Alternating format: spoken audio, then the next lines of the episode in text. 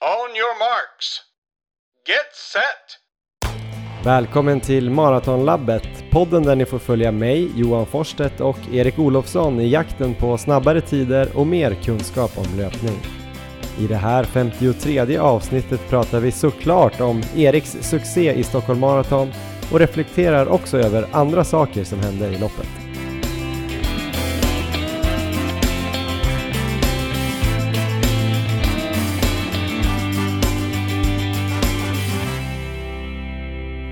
Hej 246 Erik, hur är läget? Tjena Johan, det är jättebra tack. Varför då? Um, nej, men det är en väldigt behaglig känsla nu två dagar efter. Um, och inte, inte lika sliten som jag varit efter tidigare marer. Så allt känns bra. Hur känns det själv? Det känns bra. För de som inte då följer oss på Instagram eller har varit eh, nedfryst i någon kylbox här i helgen så har Erik sprungit Stockholm Marathon på 2.46.05 blev det va? Ja, stämmer. Så nästan två minuter under målsättningen på 2.48. Ganska hård målsättning, men det gick ju som en dans. Och Erik, jag har skrivit en ny låt till dig. Får jag höra? Kommer du ihåg den där fjälllåten? Ja. Den nya går så här. Han glider fram på superben. Sen glider han fortsatt fram på superben.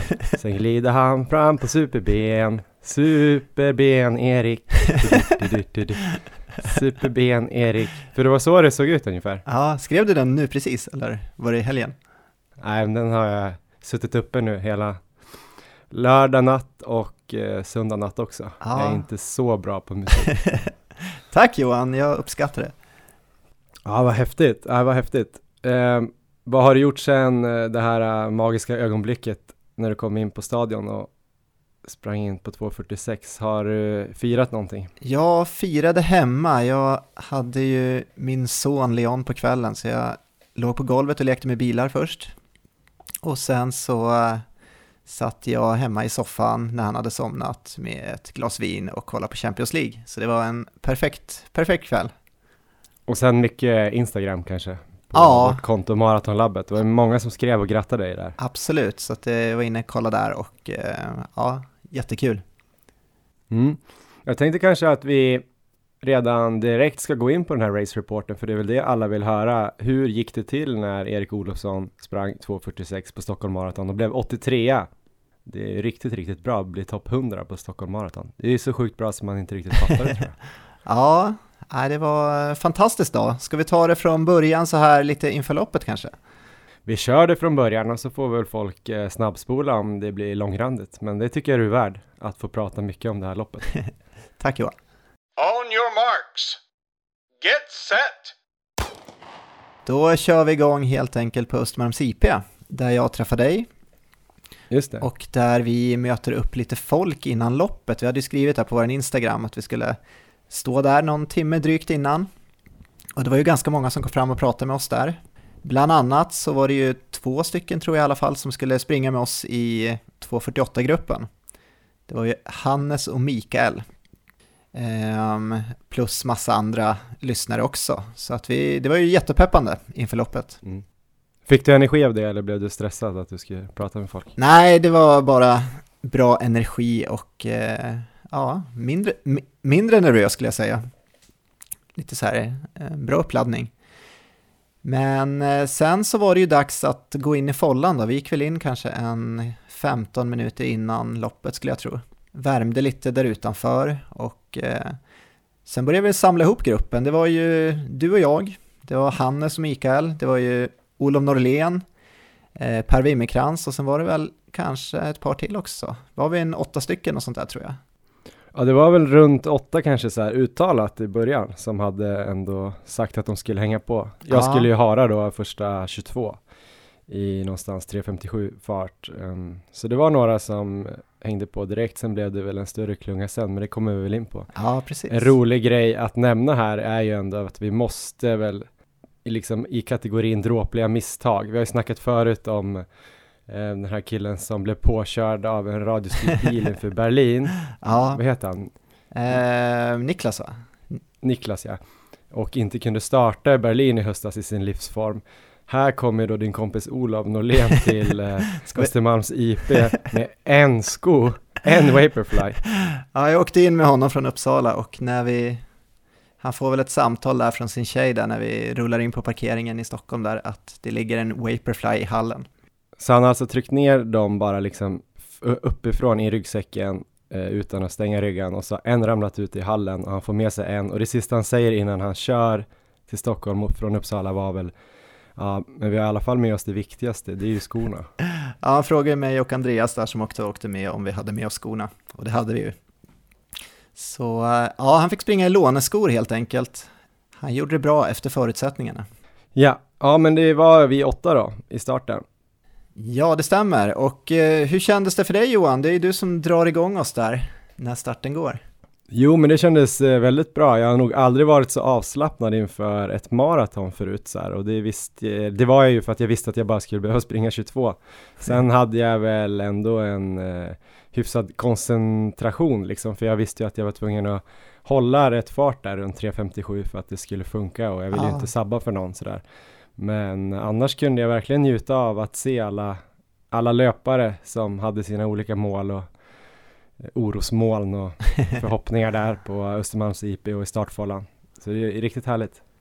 Ja, det var ju ganska, jag tycker det var ganska bra med plats ändå från början. Det var inte så trångt för oss utan vi kunde springa ganska, ganska fritt i alla fall. Speciellt fram ner mot Odenplan där så tycker jag det, när det började gå ner för lättade upp och där någonstans kanske våran klunga verkligen började samlas. Så då var det lite så här tydligt markerat att vi låg där. Det var ju svårt att inte zigzacka någonting där i början. Man säger, tänker ju alltid att man inte ska försöka springa om och runda någon och sådär, men det blir ju helt omöjligt egentligen om man ska hålla en viss fart när folk ändå ställt sig så långt fram och sen bara börjar tappa direkt. Så. Ja. Men, äh, men där från två så kändes det väl ändå som att eh, vi hade kommit in i loppet lite grann. Men det var också lite konstigt för den där två kilometers markeringen kändes som den stod helt fel. Så det var lite stressigt där att vi tryckte på lite i onödan där kanske.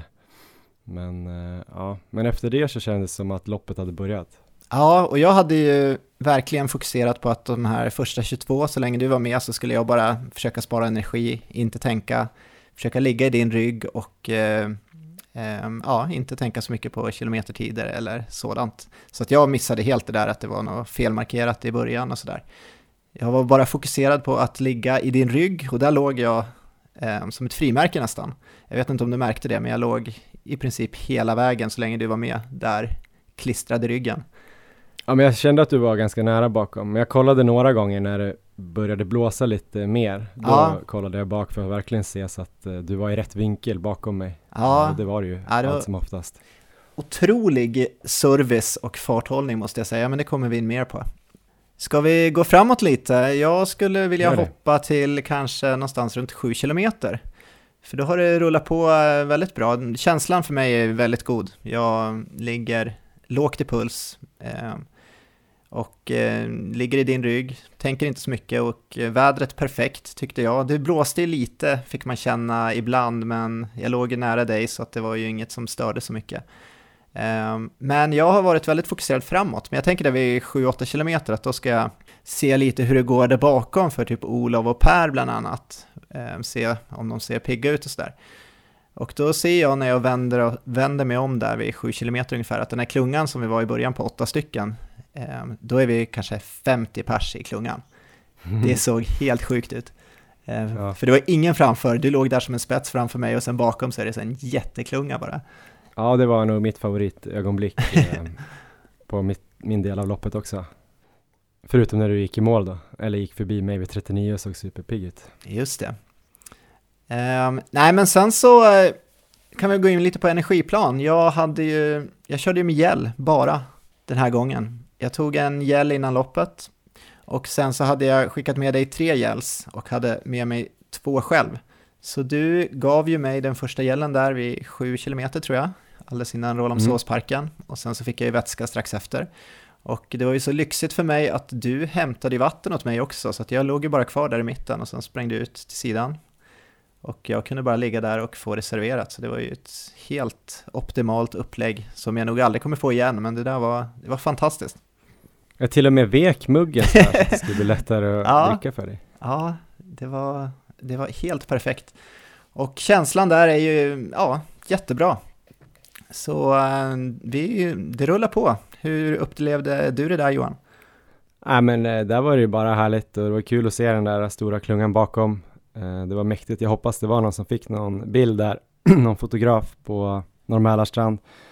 Och du kändes pigg där bakom och ja, men det var kul att springa. Många kändes pigga. Ja, um, men vi hoppar framåt lite, framåt um, Narvavägen, börjar gå lite uppför. Då är vi framme vid kanske en 12-13 kilometer där någonstans. Ja, precis. Um, började gå lite uppför, men för mig kändes det jättebra. Jag, så det störde ingenting att det gick uppför. Uh, vi kanske sänkte tempot lite grann, men uh, inte så mycket tror jag. Det var väldigt bra farthållning. Eh, vek av in på Valhallavägen sen och där fick jag min andra gäll av dig vid 14 kilometer tror jag, strax innan vätskan. Min känsla var fortfarande jättebra. Jag låg lågt i puls och eh, ja, sprang och pratade lite med de som låg bredvid. Hanna sprang att låg bredvid mig och eh, kändes också väldigt stark där. Så, eh, men däremot vid kanske 15 kilometer eller sånt där, då kändes det att det började bli lite så här trötta folk i klungan bakom, för då började det gnällas lite grann tyckte jag. Så här, Forstedt, nu, nu går det lite snabbt Forstedt nu ligger du lite, lite för högt kanske. Och eh, är, om man ska springa hela den här sträckan då jämnt på 2.48 då kanske vi låg lite snabbt, men andra halvan är ju betydligt tyngre. Så att jag tyckte vi låg helt perfekt där. Jag tror kanske att till 15 var det väl eh, någonstans 3.55 fart. Aha. Så det var ju faktiskt någon sekund snabbare än vad jag hade utlovat. Men eh, ja, jag hoppas jag inte knäckte någon på det. Men vi, jag tror alla de första tre femmorna var inom tre sekunder typ på 19.33 eller något sånt där. Så det var i alla fall jämnt. Ja. um, så vi fortsätter ut då på, um, på Gärdet där och mot Djurgården.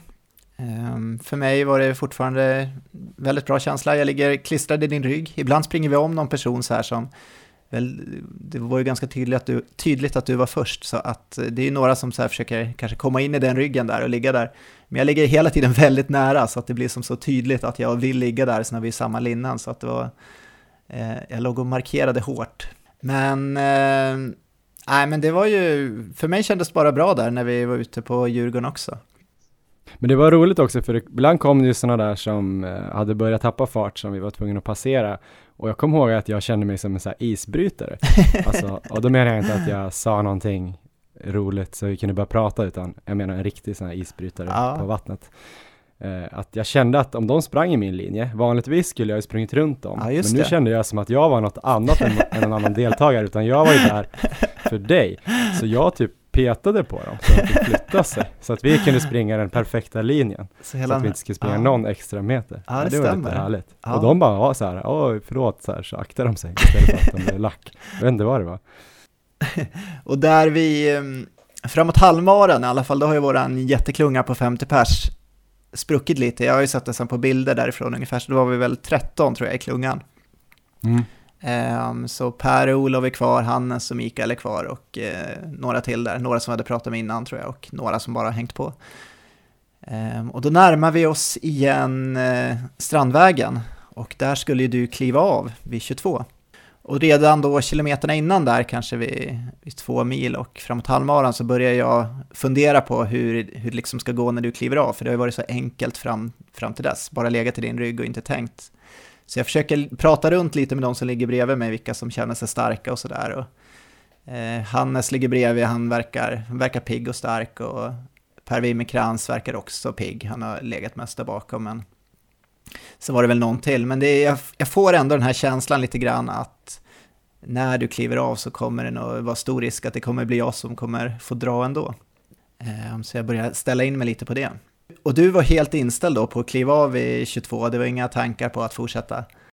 Nej, jag kände väl att där stod ju Emma och Elmer och hade lite kläder åt mig och jag kände mig ganska nöjd med 22 eh, i lördags faktiskt. Jag var lite, ja men lite stel här och var, jag hade ju kört ganska hårt dagarna innan eftersom det här inte var något jag laddade för så, så att jag kände väl lite grann att det inte är så himla lätt att bara snyta ur sig en 1.23 Almara Nej. när man precis bara har kapacitet några minuter över, eller bättre. Så att, eh, ja, men det kändes ganska bra och med tanke på nästa helgs lopp så var det perfekt för mig. Och du låg ju dessutom och tog all vind. Hur upplevde du vinden?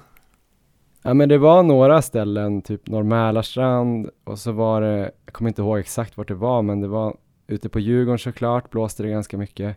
Strandvägen också för mig, så att det var då och då så friskade i också, de här byarna liksom, eller vindbyarna, och då var det ganska mycket ändå, så jag tänker att det måste ha påverkat loppet. Ja, det tror jag också, men eh, första, första halvan så var det ju, ja, det var ju perfekt för mig.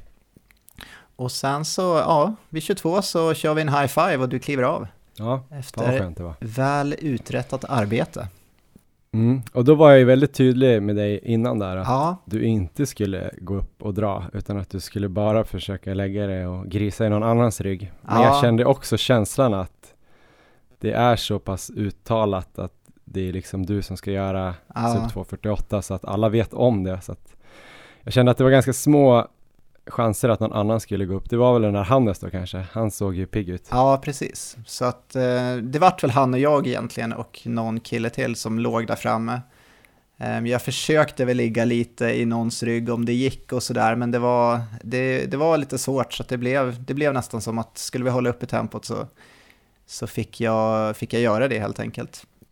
Men hur var känslan då? då? Började ni, eller fortsatte ni börja så springa om folk eller kom det någonsin någon bakifrån? Och... Uh, nej men det, det, upplevde jag nog inte. Vi sprang om, definitivt om mycket folk och jag tror vi fick en liten fartökning också när du klev av. Uh, så vi, mm. de sa, några av de andra i alla fall, att vi var nere i 3.50 fart då. Jag är lite osäker på om det var så, men det kan nog stämma. Uh, framåt Slussen i alla fall, när det ska börja gå upp för så pratar vi lite, vi som ligger där först i alla fall, och alla verkar ganska inställda på att inte liksom ligga och trycka någonting uppför, utan försöka bara kontrollera det uppför och sådär. Och jag är ganska dålig löpare tycker jag, både uppför och nedför, så att jag hade nästan räknat med att tappa lite där, att folk skulle komma upp på sidorna och eh, passera mig. Men det är ändå, det är jag och Hannes som ligger längst fram och någon kille till och eh, det är väl, eh, ja, det är vi som ligger först där i alla fall i vår klunga, uppför Slussen. Sen viker man ju ner vid Münchenbryggeriet tror jag det är, det går rejält ner för ett tag. Just det. Um, och även där trodde jag att det skulle passera ganska många, men det, det gör det inte, utan vi ligger fortfarande först. Och när vi viker av sen till höger på den här sträckan där det är ganska flackt bort mot färjorna, så känner jag mig, jag känner mig jättestark. Jag, min puls är fortfarande så här väldigt låg, om man jämför med Rotterdam till exempel så är jag ju mer, mer än 10 slag under pulsen som jag hade där redan vid 10 kilometer.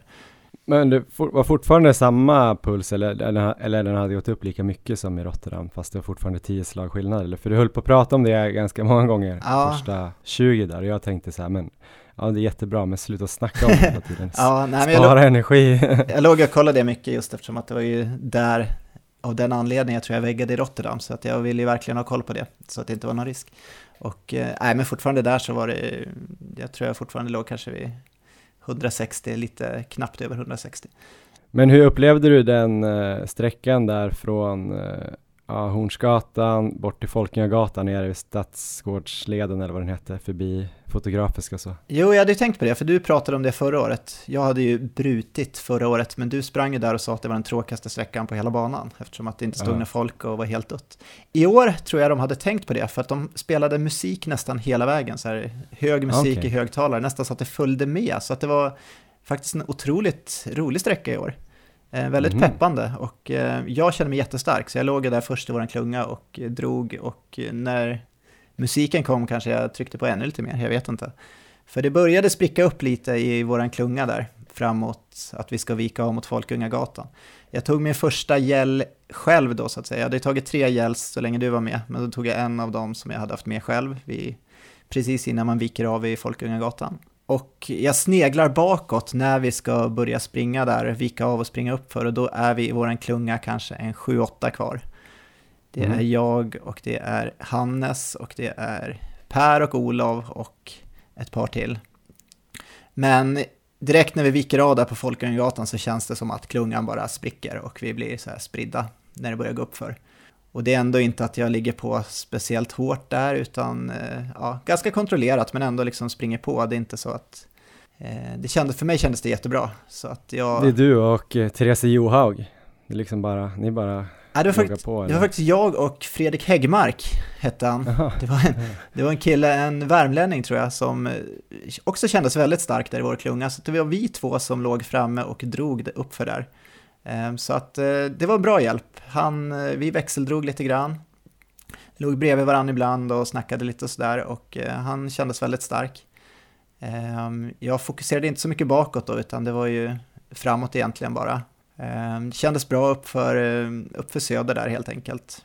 Men där är det 30 ungefär va, vid Folkungagatan och sen Ja, kör man Medis och sen ner i tunneln ut på Hornsgatan igen. stämmer. Ja. Och där så var det väl, då tror jag det var fyra kvar. Det var jag och Fredrik och eh, Per och även Olof var fortfarande kvar då i sina låneskor. Eh, mycket starkt. Så, jävligt starkt. så eh, det är vi fyra. ehm, Speciellt eftersom det var ett par sådana här, ha, ha, vad heter det, hawaiianas. Precis. Ehm, mycket imponerande. Vi kör på upp för Lundagatan är det väl, sista backen där innan Västerbron. Ehm, och då är det väl, då tror jag Olof får börja släppa lite i alla fall. Så då är det jag och Fredrik som ligger först och sen Per ligger där bakom, lite som så här Petter Northug. Jaha. han smyger med där bakom. Så han känns väl, ja, det kändes väl som att han var pigg, men han kanske inte var så pigg där ändå, för att det kändes som att han skulle vara uppe och dragit lite mer då kanske. Sen ner mot Västerbron då, sista, sista delen upp för eh, det går ju ner för ganska mycket innan, så att det var ju som att man fick återhämta sig ganska bra. Mm. Och sen så springer vi där, börjar springa in på Västerbron. Ehm, fick ju mycket bra, alltså otroligt mycket pepp och eh, det var många som ropade eh, Heja Maratonlabbet eller Heja Erik. Och eh, jag kommer ihåg där i början av Västerbron så står Jonna där i alla fall och ropar. Så det var väldigt, väldigt uppskattat, fick någon procent extra styrka där. Så det känns, eh, känns toppen uppför Västerbron. Alltså jag känner mig jättestark. Fredrik ligger bredvid, vi snackar lite. Eh, han känns också stark. Per är med bakom också. Så vi trycker väl inte jättemycket upp för Västerbron, men jag tror vi håller, håller ett ganska bra tempo uppför. Men hur kändes dina ben där då?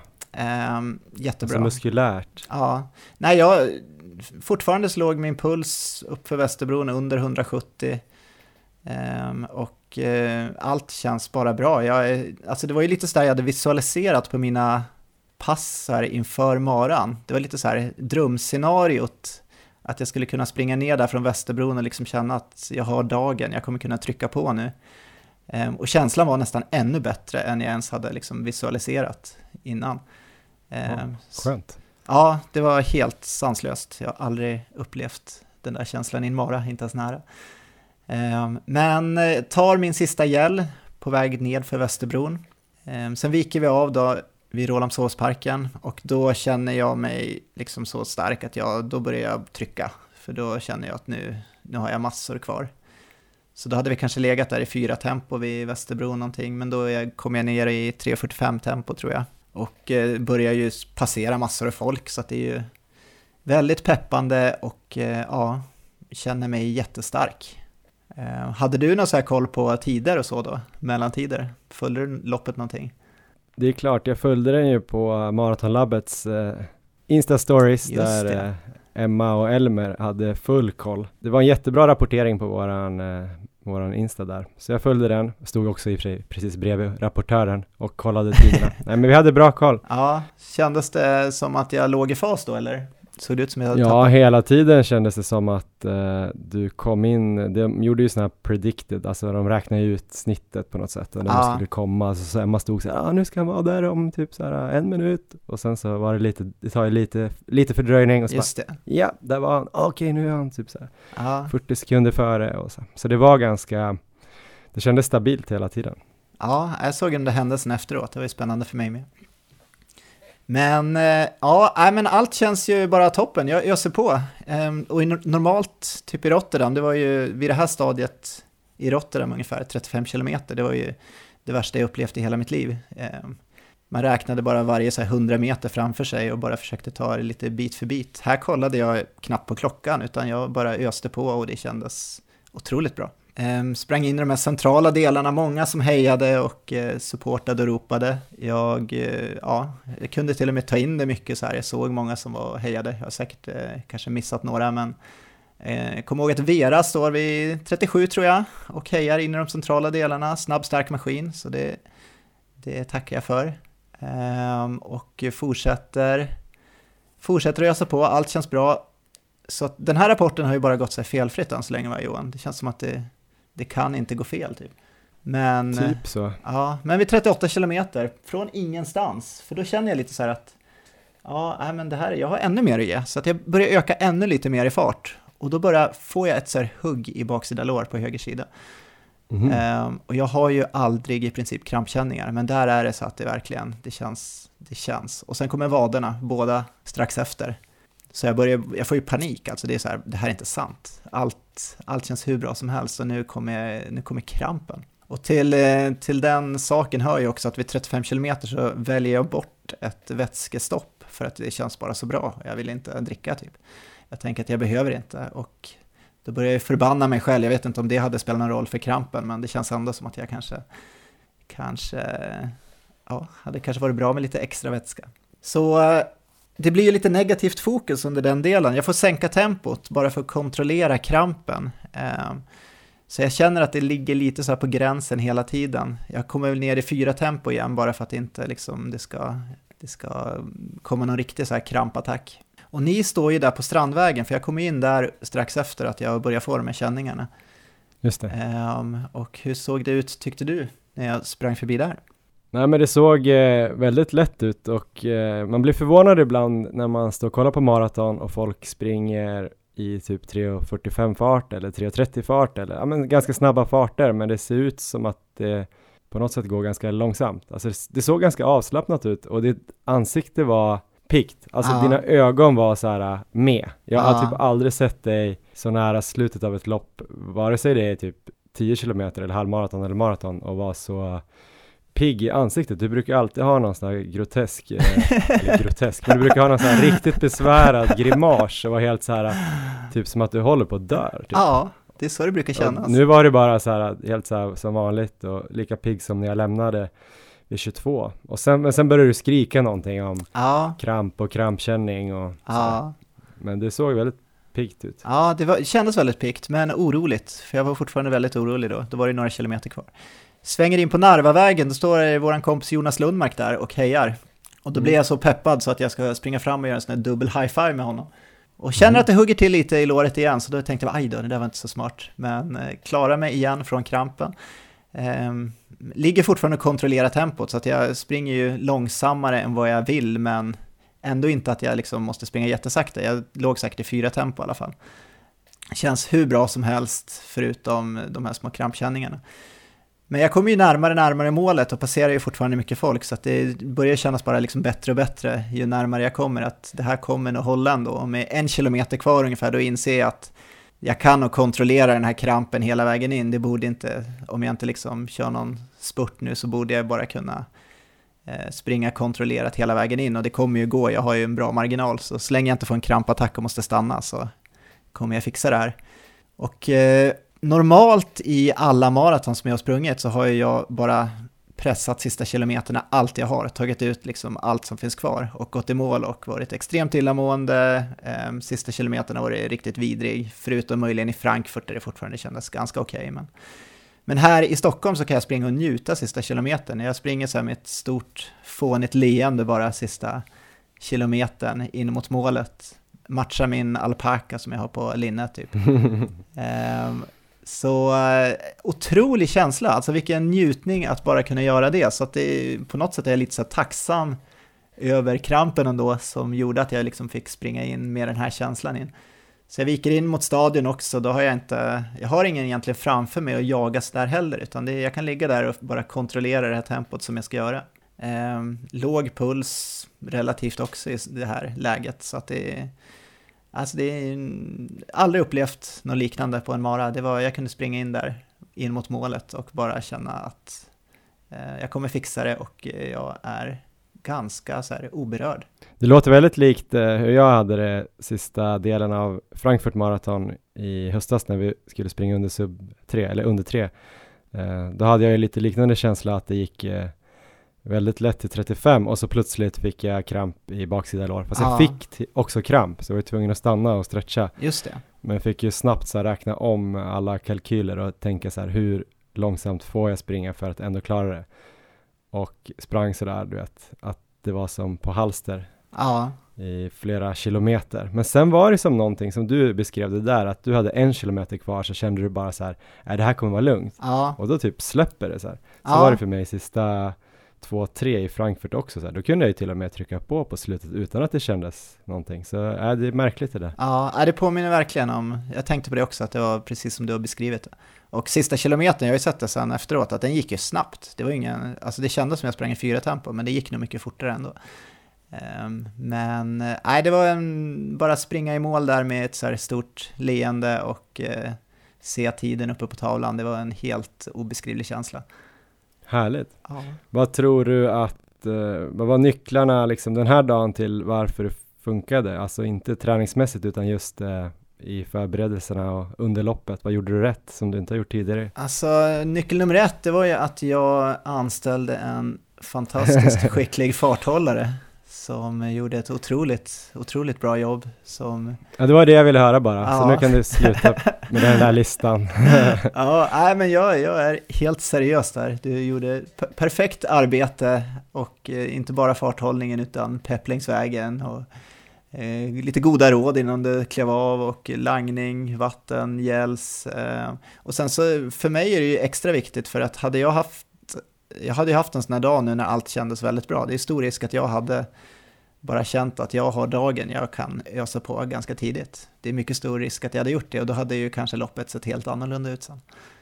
Men jag tänkte också på det efteråt att eh, just farthållare, ordet farthållare är ju bättre nästan än hare eller att jag skulle dra dig för att Ja, det var ju snarare att jag på något sätt skulle bromsa dig Ja. också. Eller det var ju lika viktigt eller ännu viktigare tror jag. ja, Och ta lite vind såklart och vätska och, och dina gels men just att du fick en sån där äh, jämn, alltså du fick liksom ett uppvärmningsvarv ja, kan man säga, halva och sen fick du, för du höll ju nästan exakt samma tid andra halvan, det var ju typ 10 sekunder diff eller något. ja, precis. S- Och den är ju lite hårdare så det var ju klart en negativ split på så sätt. Ja. Eh, och det har du ju kanske inte riktigt fått de senaste morgonerna. Nej, verkligen inte. Och man ska ju komma ihåg också att det här var ju typ pers på Stockholm, alltså det var ju pers eh, med sju, vad är det, åt, sju minuter sju, var det sju minuter var det pers. Men det var ju liksom en, nästan en halvtimme eller 25 från just i Stockholm. Ja, om man tar Stockholm då för två år sedan då jag sprang så är det en sänkning på 30 minuter. Det är helt... Skulle någon sagt det då när jag låg där i sjukhustältet efter det loppet att jag skulle springa så två år senare skulle jag ju aldrig trott på det. Var det något annat då i loppet i, i lördag som du gjorde bra? Du körde till exempel gel, kände du någon skillnad på det eller är det svårt att säga vad som är vad såklart? Ja, men gels fungerade faktiskt jättebra så att eh, eh, självklart så var det ju, det var ju, om man jämför med Rotterdam så var det ju ett helt annorlunda läge här med att pulsen var så mycket lägre. Så att eh, det är ju olika scenarion så, men det funkade så bra att ta gels. Jag tog ju en gel precis innan start och sen fem gels under loppet. Och jag hade inga problem med magen alls och det kände mig ju stark hela vägen och fick energi och sådär. Så att det är ju, det, det kommer jag definitivt fortsätta med. Det finns ingen anledning tycker jag att inte göra det. Ehm, sen så tror jag ändå kanske, har man väldigt stora problem med magen och tar gels och så, tror jag YouCan kan vara ett bra alternativ. Men eh, just nu när det här funkade så bra så kommer jag definitivt fortsätta med det personligen. Men det känns som att du aldrig varit så eh, noggrann med energiintaget och vätskeintaget tidigare, vad jag har upplevt i alla fall. Det kändes som att du var ganska ofta du ville ha vatten till exempel och det Ja. är ju ändå rekommendationen där är väl någonstans 6 till 8 deciliter per timme brukar det stå och det är ganska många Ja, koppar om man ska få i sig det. Jag vet inte om du fick i dig det men det var ändå så här äh, nästan varje station så fick du ju vatten av mig. Jag vet inte om du fortsatte så men också att du tog gelsen precis innan och sköljde ner den så att du inte fick för mycket ja, kolhydrat, eh, liksom för höga halter i, i tarmen att du skulle, utan det spädde ut lite och sådär. Det kändes som att det var seriöst på en till nivå där i alla fall. ja, men det tror jag. Det, hela det här upplägget tror jag var mycket bättre. Så det var ju definitivt en nyckel också. Sen så, självklart en, en jättestor del var ju att jag var ju i väldigt bra slag. Jag tror jag verkligen hade lyckats toppa formen om man jämför med Rotterdam till exempel. Det var ju verkligen, mm. ja, jag hade verkligen dagen. Det kändes som att allt, allt bara föll på plats. Så det, hädanefter blir det inte åka iväg en vecka på någon, eh, ko kombinerat träningsläger och film, tv-inspelning veckan? Um, jo, ja, är det är frågan, får vi fundera på. Det var ju kul på ett annat sätt det alltså. Nej, men gjorde du något speciellt i, eh, alltså de sista veckorna? Hur såg sista veckan ut? Eh, eller var det bara liksom att formen fanns där? Eller gjorde du något annorlunda i formtoppningen? Um, om man tar då från Rotterdam så hela det här upplägget känns det verkligen som att jag lyckats med. Då. Efter Rotterdam så fick jag tre veckor återhämtning. Det är ganska, ganska lång återhämtning men um, det kan nog krävas efter en urladdning som jag hade där. Och sen så fick jag ju tre veckor med riktigt bra träning, alltså hög volym och mycket hård träning. Det var ju polariserad träning som jag har pratat om innan, att jag körde ju mycket tröskel och högre tempo än det till och med. Eh, kombinerat med långpass i lugnt tempo och distanspass i lugnt tempo. Men inte så mycket marafart då.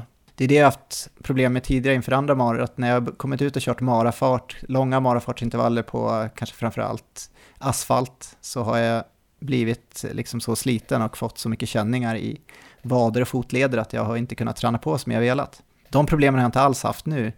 En stor nyckel är ju just eh, att jag har tänkt mycket under hela de här åtta veckorna att inte springa så mycket på asfalt. Jag har försökt undvika asfalt och sprungit mycket på grusvägar eller på löpan.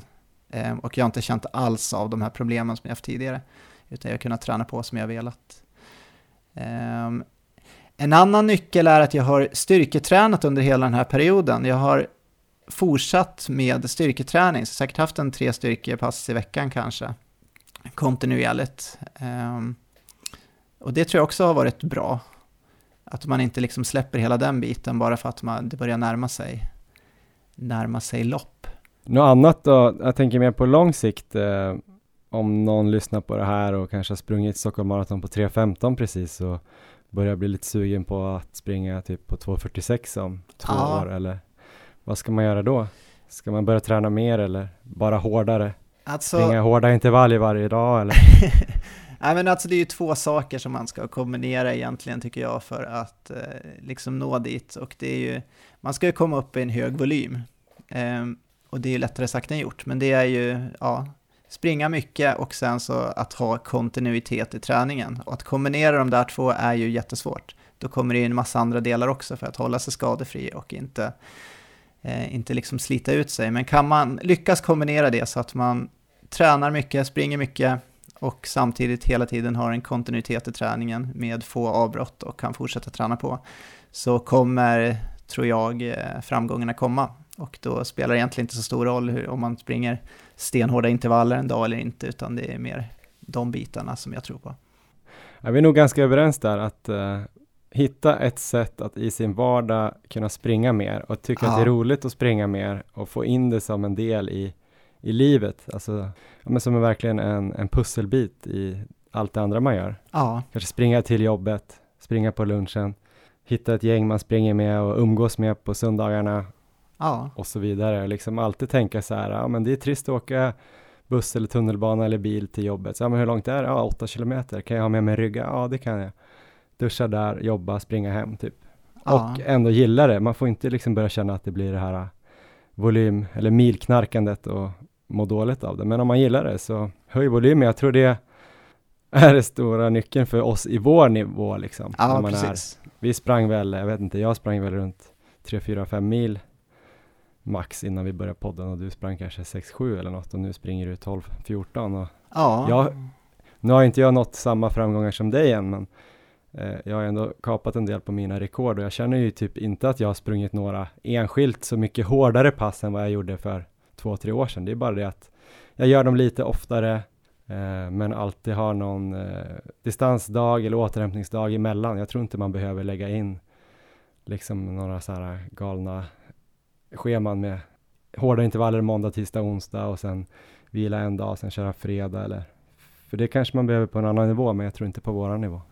Nej, eh, verkligen. Och sen så eh, just att, eh, som du pratar mycket om, sova bra, få återhämtning, eh, sköta alla de bitarna och även styrketräningen, att man liksom håller i det kontinuerligt så att man är tillräckligt stark för att klara av volymen. För det är ju det det. är, det är inte lätt att få liksom allt det här att stämma. Det är ju eh, väldigt svårt pussel, men eh, inte, inte omöjligt. Det känns som att det är ett lätt svårt pussel. Att det är lätt att prata om det. I teorin är det ganska lätt. Det är Ja. inte så krångligt egentligen. Vi kanske gör det krångligare än vad det är ibland i podden eh, för att vi är så intresserade av att veta exakt vad är optimalt och hur ska man träna, vad ska man äta exakt och sådär. Men det är kanske inte är så viktigt att man gör allting 100% perfekt, men om man gör allting 80% så kommer det räcka svinlångt. Ja, Men sen är det svårt att göra det 80%. Det finns ju folk som har barn och jobb och eh, andra intressen och semesterresor och allt som ska göras. Då kanske man plötsligt märker att det inte är så lätt. Ja, sen har vi ju glömt kanske den viktigaste nyckeln av allt och det är ju att lyssna på Maratonlabbet. Just det, eller göra maraton. Ja. Så, Det är både inspirerande och ger en piska i, vad säger man? Inte en piska i röven, en spark i röven, en piska på ryggen. ja, piskar Ja, över. då måste man ju träna. Och även, alltså jag har ju gått tillbaka och lyssnat på en hel del på våra gamla avsnitt också här inför Stockholm till exempel och sådär. Med bra intervjuer och bra tips. Så eh, ja, gör det. Ja, egentligen behöver du ju faktiskt inte berätta här nu om vad du gjort de sista ett och ett halvt åren för att bli så här bra, utan det är bara att börja lyssna på avsnitt ett igen, så får Ja. man väl höra det. Och skulle man vara intresserad så ligger ju all min träning ute på Strava senaste året. Det. Så det finns ju alla pass och lite, jag skriver lite känsla, det gör ju du med tror jag. Skriver lite hur passen känns och sådär. Och lägger Mm. ut all din träning där. Ja, jag ligger lite efter, jag är lite dålig, men jag ska faktiskt, eh, det är ett projekt jag har att eh, skriva ner lite mer om träningen där och lägga till lite text kring passen. Och kanske även följa andra löpare. Vi har ju till exempel intervjuat här Josef Hamberg som gjorde en enorm sänkning här under ett par år som jag har inspirerats av och hans träning ligger också ute på Strava. Så följ honom. Och kanske också inte ha så mycket respekt för tider och sådär och vad man tror är möjligt. Ja. Jag har ju länge tänkt att så här 35 på milen är något eh, alltså superstjärneresultat liksom. Jag har Ja. känt att det kommer, jag, det kommer jag aldrig nå. Jag kanske kan gå under tre på maraton för där tycker jag att jag har snabbheten. Det är bara att jobba mot det. Men ah, 35 på milen det kommer ju aldrig hända. Och nu börjar man känna så här att alltså det kan ju typ komma Det kan gå. den här säsongen liksom. Ja. Och jag tänker att det är samma för dig på maraton. Vad tänker du nu till exempel? Utan att gå så långt här i förväg, men alltså 2.46 på Stockholm som är kuperat, alltså börjar du drömma om vad då till exempel? Ja, men jag tänkte ta ditt råd här och njuta lite av det här loppet. Och sen så eh, ska jag börja fundera framåt. Men eh, Men jag menar 2.46 för något år sedan lät ju helt orimligt snabbt. ja, ehm, definitivt. Men jag, ja, det, det känns som att det finns mer att hämta tycker jag. Så att jag kommer ju definitivt sätta Du upp behöver ett inte mål. svara, jag tror det var ganska mycket en retorisk fråga också. Men det, det kan gå snabbt helt enkelt, i alla fall ett tag. Sen är det klart att det är svårt att sänka från 2.46 till 2.16. Eh, det kanske inte går. Men eh, någonstans finns det ju kanske en gräns. Ja, Men den kan vara längre bort än vad ni tror.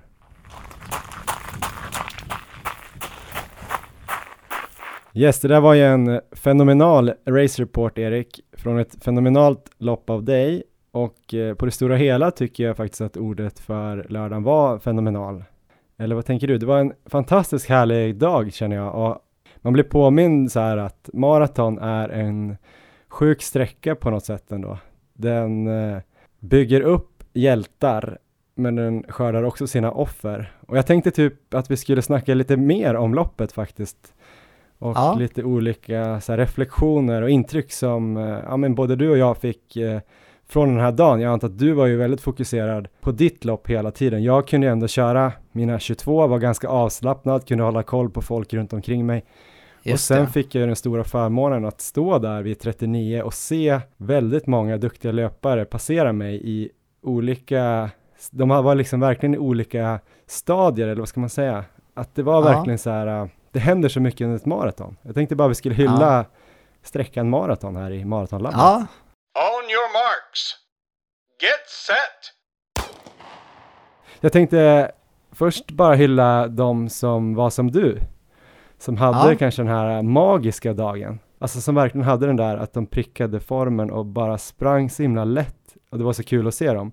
Jag tänker till exempel på min hare från Kungsholmen runt, Kristoffer Lås, som väl gjorde sin, det var väl något typ av genombrott eller? Kan man säga så? Jag har ingen aning. Han blev sjua i alla fall på 2.24, höga 2.24, så han gick under 2.25. När jag Ja. såg honom på uh, Strandvägen såg det ut som att han var totalt oberörd. Alltså det var helt sjukt. Jag skulle springa med honom och filma Ja. honom lite grann. Men då kände jag ju Ja. att det här är ju liksom, ja men det är ju typ under 3.30 fart. Ja, Så det var ganska jobbigt, men mina ben var ganska stela då. Och han bara så här joggade. Jag såg på hans Instagram när han kom in på stadion där och bara ja, sträckte upp händerna. Det måste ha varit en otrolig känsla. ja, jag såg också den filmen. Det såg otroligt lätt ut och jag fick förmånen att prata med honom där nere på väg mot Östermalms IP och han såg helt oberörd ut. Så otroligt lopp. Han såg lika pigg ut som när han harade mig på Kungsholmen. Sen Johanna Ja. Bäcklund som återigen gör ett under 240, sub 240, kommer tvåa i SM. Såg också så här otroligt stark och eh, dedikerad och eh, lugn ut när hon passerade mig på Strandvägen. En som kom lite längre bak där, men inte så långt bak, Johanna Salminen. Jag vet att hon har kämpat och kom under tre timmar och därför har hon väl kanske lyssnat på podden. Såg Ja. att hon sprang i Berlin på 1.22 halvmara i Ja. början av april. Gör 2.52 igår.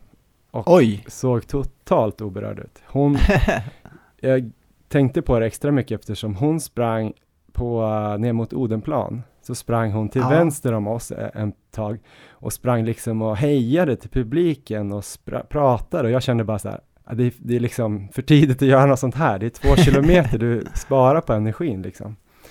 Eh, och sen ser jag henne typ lika pigg på Strandvägen och eh, bara dunkar in. Jag vet inte vad det var för placering, men det måste ha varit riktigt högt. Ehm, typ i vår ålder tror jag. Så nej, sjukt imponerande. Så det var dem jag tänkte jag skulle hylla lite först. Sen, det här är också, det är bara hyllningar allt det här, det är bara kärlek. Men sen så tänkte jag att vi skulle prata om de som inte riktigt hade dagen. Då, då tänker jag kanske på uh, Malin Starfelt, ehm, som öppnade på 1.19 tror jag. Men hade väl bara alldeles för hög puls mot vad hon brukar ha Ja. något som inte kändes rätt i kroppen. Hon har varit sjuk innan. Lyckas ändå så här bita ihop och eh, komma in på 2.48, vilket ju såklart hon inte är nöjd med. Men eh, att bara gå ner så här och springa, om det känns riktigt dåligt, men springa bara så här 10-15 eh, sekunder långsammare per kilometer, det är inte så himla lätt att bara hålla det en halvmara när man har en sån dag. Så det är riktigt Nej. jävla starkt att ta sig i mål, måste jag säga. ja, jag vet den känslan och det är ju det är ju bland det värsta man kan vara med om. Så det är ja, bara springa i mål är ju jätteimponerande. Hon skrev ju det också på Instagram att hon eh, var väldigt besviken i lördags men att hon eh, ja, hade väl fått lite distans till det tänker jag. Eh, och hon kommer nog tillbaks, eller hon kommer tillbaks, det är vi ganska säkra på, Maratonlabbet. Martin Öhman är en annan sån som inte vi har intervjuat, men vi har intervjuat hans coach Christian Munt några gånger. Han som vann SM för två år sedan och nu skulle komma tillbaks här efter lite skadeproblem. Hade ju heller ingen toppendag, men han springer ju liksom på 2.27 så att det Oj. finns ju grader i helvetet eller vad man Ja. ska säga. Jag tror att han siktade högre och många har ju sagt att han har sett riktigt bra ut. Så jag menar bara, Ja, det här är mer att, och han hade en liknande tror jag, öppning och att han tappade andra halvan. Men just det här, så mycket som kan hända på ett maraton. Om man har liksom kanske, de allra flesta springer ju max två per år. Kanske Ja. tre. Och då ska man inte vara skadad, man ska inte ha bara så här en liten sjukdom här en vecka före eller man ska inte ha lite ont i knät. Man, det måste vara så där perfekt som för dig om man ska ja, verkligen. Och det är bara, om, om jag hade en positiv rapport idag, det är bara att gå tillbaka om det är tre avsnitt i tiden eller när det var från Rotterdam och det är ju, då, då kommer ju min, en av mina värsta upplevelser någonsin. Ja, Så att det är åt, åtta veckor emellan och den kontrasten. Ja, det är ehm, Det är sjukt och eh, sen tänker jag på eh, de här helt galna kämparna som eh, Mikaela Larsson som springer Stockholm Marathon som, ja, jag vet inte, som om det inte vore någonting alls. är det tredje raka SM-guldet? ja, stämmer. Och vi intervjuade ju henne. Det var ju fem veckor sedan hon sprang Hamburg. Ja, helt sjukt. Hon gör 2.36 så måste ju vara i, det måste ju vara i alla fall, eh, jämförbart med hennes 2.31 från London nästan i alla fall på den här banan. Jag vet inte vad hon skulle Ja. säga själv, men hon är ju stark löpare så det känns som att hon går bra här i kuperingen och på hemmaplan. Och verkligen har den här kapaciteten att kunna springa flera marer under kort tid. Och sprang också med ett leende på Strandvägen.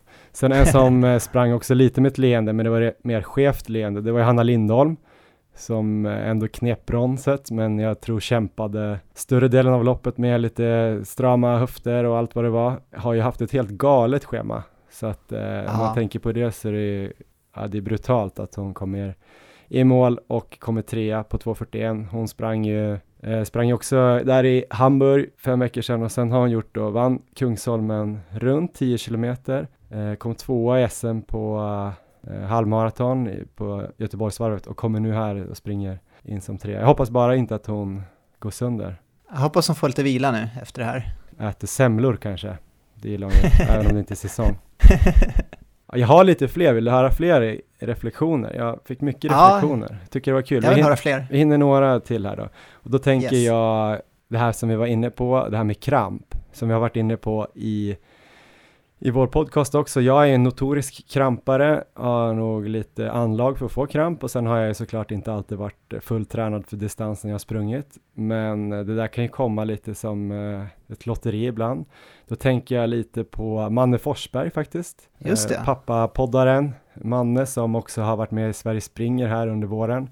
Har då på ett år tror jag sprungit fem maror och hade som mål här i lördags att springa under 3.30. Jag sprang under, jag tror jag sprang på 4.30 sin första mara, så han skulle förbättra Ja. sig en timme på ett år då. Har gjort långpass runt söder vet jag, 5 gånger 5 i 4.58 fart. Ja. Eh, och med vila och uppjogg och nedjogg har det varit så här 41 kilometer i de här passen. Det är liksom nästan Erik Olofsson-klass. Mycket mer än vad, vad jag gör och sådär. Han, Ja. han får plötsligt krampkänning efter 16 kilometer känner han att det börjar pirra. Och sen får han Ja. liksom slita med så här vadkramp hela loppet. Och som han har aldrig haft kramp förut. Så det är så här, ja, det är så mycket som kan hända och ehm, Ja, och Olof Norlén som sprang med oss, han som hade låneskor, just det. springer förbi mig, har ju tappat då lite, men han är ändå på väg mot 2.52 tror jag. Och Ja. ett ganska fett pers. Sen fick jag reda på eller senare att han hade sprungit förbi mig, 50 meter ungefär. Sen, sen fått så total kramp i baksida lår, var tvungen att lägga sig ner och fått hjälp av två män i publiken tror jag, som stretchade ut hans eh, hamstrings tror jag det var, i så tre, Ja. fyra minuter verkligen och låg på backen. Jag såg ju inte det här, annars hade jag såklart hjälpt, eh, hjälpt honom. Men, eh, nej men det liksom, Två tyska turister var det som hade stretchat ut, stretchat ut eh, krampen där och han hade fått stanna två ställen också. Jag såg hans tider sen, det var så här en, en kilometer på sju minuter och jag tror en annan på sex och en halv. Så att han sprang väl ändå i mål i slut på typ 2.56 eller tror jag och där fanns det ju såklart mycket, mycket mer att ta utan kramp och med vanliga skor. och det där hade ju också kunnat varit du faktiskt ju, på ett sätt. Hade du haft riktigt otur. Ja, Ja men du hade Ja, kanske tappat verkligen. fyra Jag- minuter och gått precis över 2.50. Även om det hade varit pers, Ja. men det hade inte varit lika roligt tänker jag. ja, jag var jättenära att vara där också. Trots att allt kändes som det gick rätt så kunde det ha hänt. Ja, nej men det var nog eh, många där bakom som också var där av de här 12 000 som sprang. Sen har vi ju magproblematiken eh, som man också tänker på under ett sånt här eh, lopp. Jag fick ju bara springa 22 som tur var. Så min mage behöver inte krångla, du klarar dig från det. En som inte riktigt Ja. klarar sig från det, som också skrivit om det på sin Instagram, det är våran, våran vän och ehm, inspirationskälla Josef Hamber som är med här i ett av våra första avsnitt den här säsongen eh, och pratar om sin fenomenala resa. Han har ju varit fast besluten om att springa under 2.30, så fast besluten att när han fick magproblem i lördags så hittade han ingen toalett. Vad gör han då? Nej, han struntar i att han inte har en toalett och gör det där han ska göra ändå. Fortsätter Ja. springa, eh, passerar mig på Strandvägen. Jag ropar på honom, ser att han blöder från knät. Ganska så här uh, ordentligt så här att det rinner så här. Jag tänker så här, fan han har ramlat och slagit sig. Sen ser jag liksom att det är båda benen, hela benen. Kommer på att så där mycket kan man inte blöda om man inte fått typ ett skärsår i ljumsken. Fattar, ah, det är inte blod. Det är någonting annat. Eh, Ja, Ja, han skrev ju om det där på Instagram också, om att eh, Östermalmsdamerna eh, säkert inte tyckte det där var så kul. Och det var ju då mig han syftade på, för jag stod ju där på Östermalm. Men han fixade. Han Han fixade fixade sig upp 2.30. 2.30, 2.29. Mäktigt också. Typ familjefar, springer 14 mil i veckan på morgnarna. Mäktigt. Ja, jag, jag är imponerad över inställningen. Otroligt, otroligt starkt. Och sen har vi alla de här comebackarna som jag tänkte också skulle få hyllas lite grann. Det är väldigt många säkert som har varit skadade och kommit tillbaka och eh, klarat av Stockholm Marathon. Eh, antingen bara klarat av det, en seger i sig, eller kanske slagit ett personligt rekord eller har gjort något riktigt bra. Då tänker jag lite grann på Linnea Isaksson. Uppsala-tjejen. Jag vet inte, har ni tränat någon gång ihop eller? Nej, det har vi inte gjort. Men eh, hon har ju varit skadad och eh, vi har skrivit lite grann på Instagram förut. Eh, var väl skadad minst ett halvår tänker jag. Och nu i vår här har hon liksom radat upp personliga rekord. Jag tror hon har slagit rekord på 5 kilometer på Vårhuset, 10 kilometer på Kungsholmen runt, halvmaran Yes. vet jag att hon i alla fall persade på Tjejmilen 21K, kanske på varvet också. Ja, det var på varvet också tror jag. Och nu på uh, Stockholm Marathon så kom hon in på 2.59.00. Så hon har liksom eh, bara kommit tillbaks från skada och eh, pulveriserat alla hennes PBn. Så hon kommer bli grym framöver också. Men jag tänker det är möjligt för alla som sitter där och tänker att man aldrig ska bli frisk igen och inte kunna springa. Så det kan gå. Eller det kommer att gå. Det, det kommer gå och det gäller bara att ha tålamod och eh, kanske inte, man kanske inte behöver känna det här att man eh, tappar allt under skadeperioden, att man liksom kommer tillbaka och måste göra om allting, utan det kan gå ganska fort ändå att eh, komma i form och eh, börja närma sig sina pers igen. Och det är hon verkligen ett bevis på. Sen skulle jag bara vilja lägga till vad vi har pratat lite om förut också, att om man är i den här rehabfasen ehm, så ska man ändå liksom vara lite försiktig och inte liksom ligga på för hårt med alternativträning så att man kommer tillbaka i princip samma konditionsform som innan. Men muskler och leder kanske inte riktigt tänkt med och man börjar träna stenhårt direkt när man kan börja springa igen och dra på sig nya skador. Så det är ju en balansgång där som man måste verkligen tänka mycket på. Och du brukar också säga slå inte världsrekord i rehab. Det är det du brukar säga. va? Precis. när man är på vår nivå så gör, det, gör ingenting om det är nästa säsong man kommer tillbaks. Och eh, bygga upp eh, ens svagheter. Ja, jag pratade lite med Linnea inför Kungsholmen när hon slog pers där. Hon hade också tänkt på de bitarna. Och ni som inte är skadade ska ju såklart sticka ut och springa. Gärna i skogen, andas lite. Eh, det kommer jag göra senare i eftermiddag.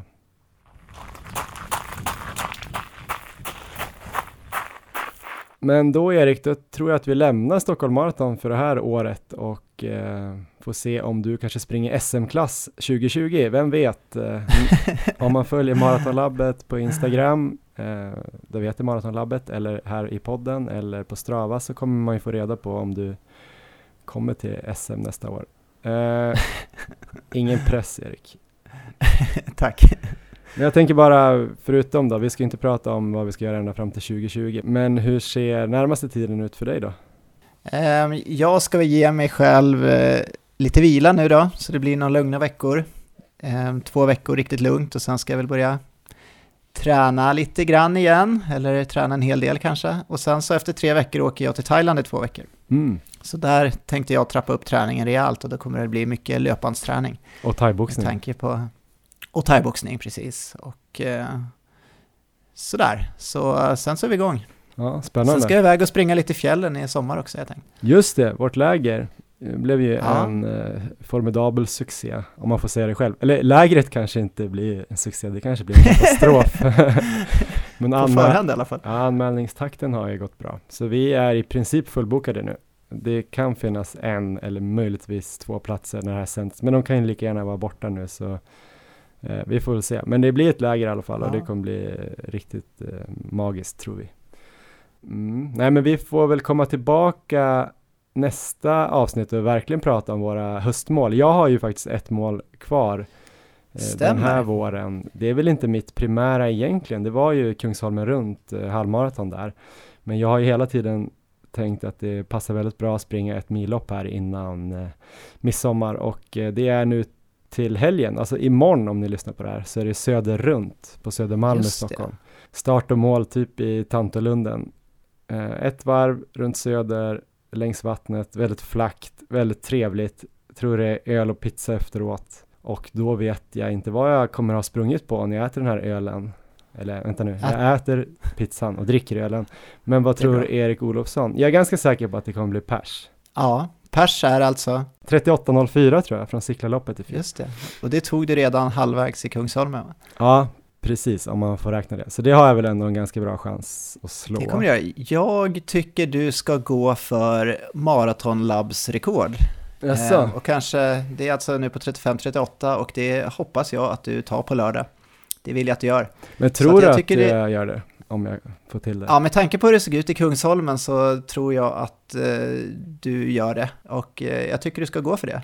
Eller 35-30 då kanske. Så eh, det hoppas jag på.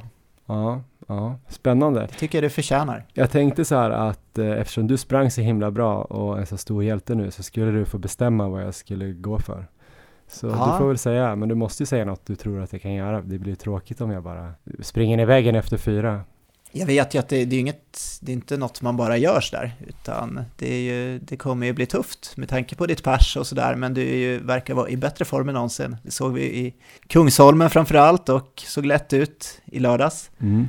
Så, äh, nej men kör på det. 35 och 30 tycker jag du ska sikta på.